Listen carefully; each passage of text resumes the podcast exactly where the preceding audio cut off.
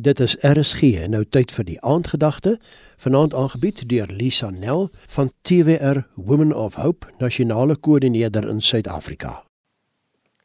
Goeiedag luisteraars. Lees jy jou God se boek?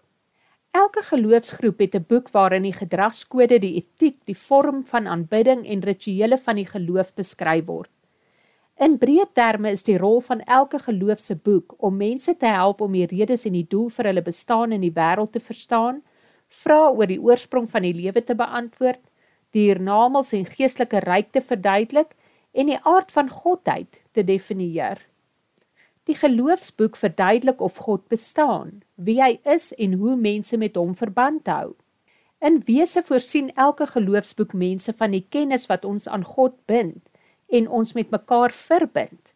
Die groot vraag is of jy jou God se boek lees. Dit is binne jou vermoë om die boek waarin die Allerhoogste homself aan die mens bekend maak, ten minste een keer in jou lewenstyd deur te lees. Maar het jy dit al gedoen? Ken jy die woorde wat God persoonlik met 'n hoorbare stem voor ten minste 6000 mense by die berg Sinai uitgespreek het? Woorde waarin die Allerhoogste vir die mens duidelik sê wie hy is en hoe hy gedien wil word. Ons lees in Eksodus 20 waar God self aan die woord is wanneer hy sê: Ek is die Almagtige jou God wat jou uit die land van Egipte gelei het, uit die huis van slawerny. Jy sal geen ander gode buiten my hê nie. Jy sal vir jou geen afgod kerf of enige gelykenis maak van enige iets wat bo in die hemel is of wat onder op die aarde is of wat in die water onder die aarde is nie. Jy sal jou nie voor hulle neerbuig en hulle nie dien nie, want ek, die Allerhoogste jou God, is 'n jaloerse God.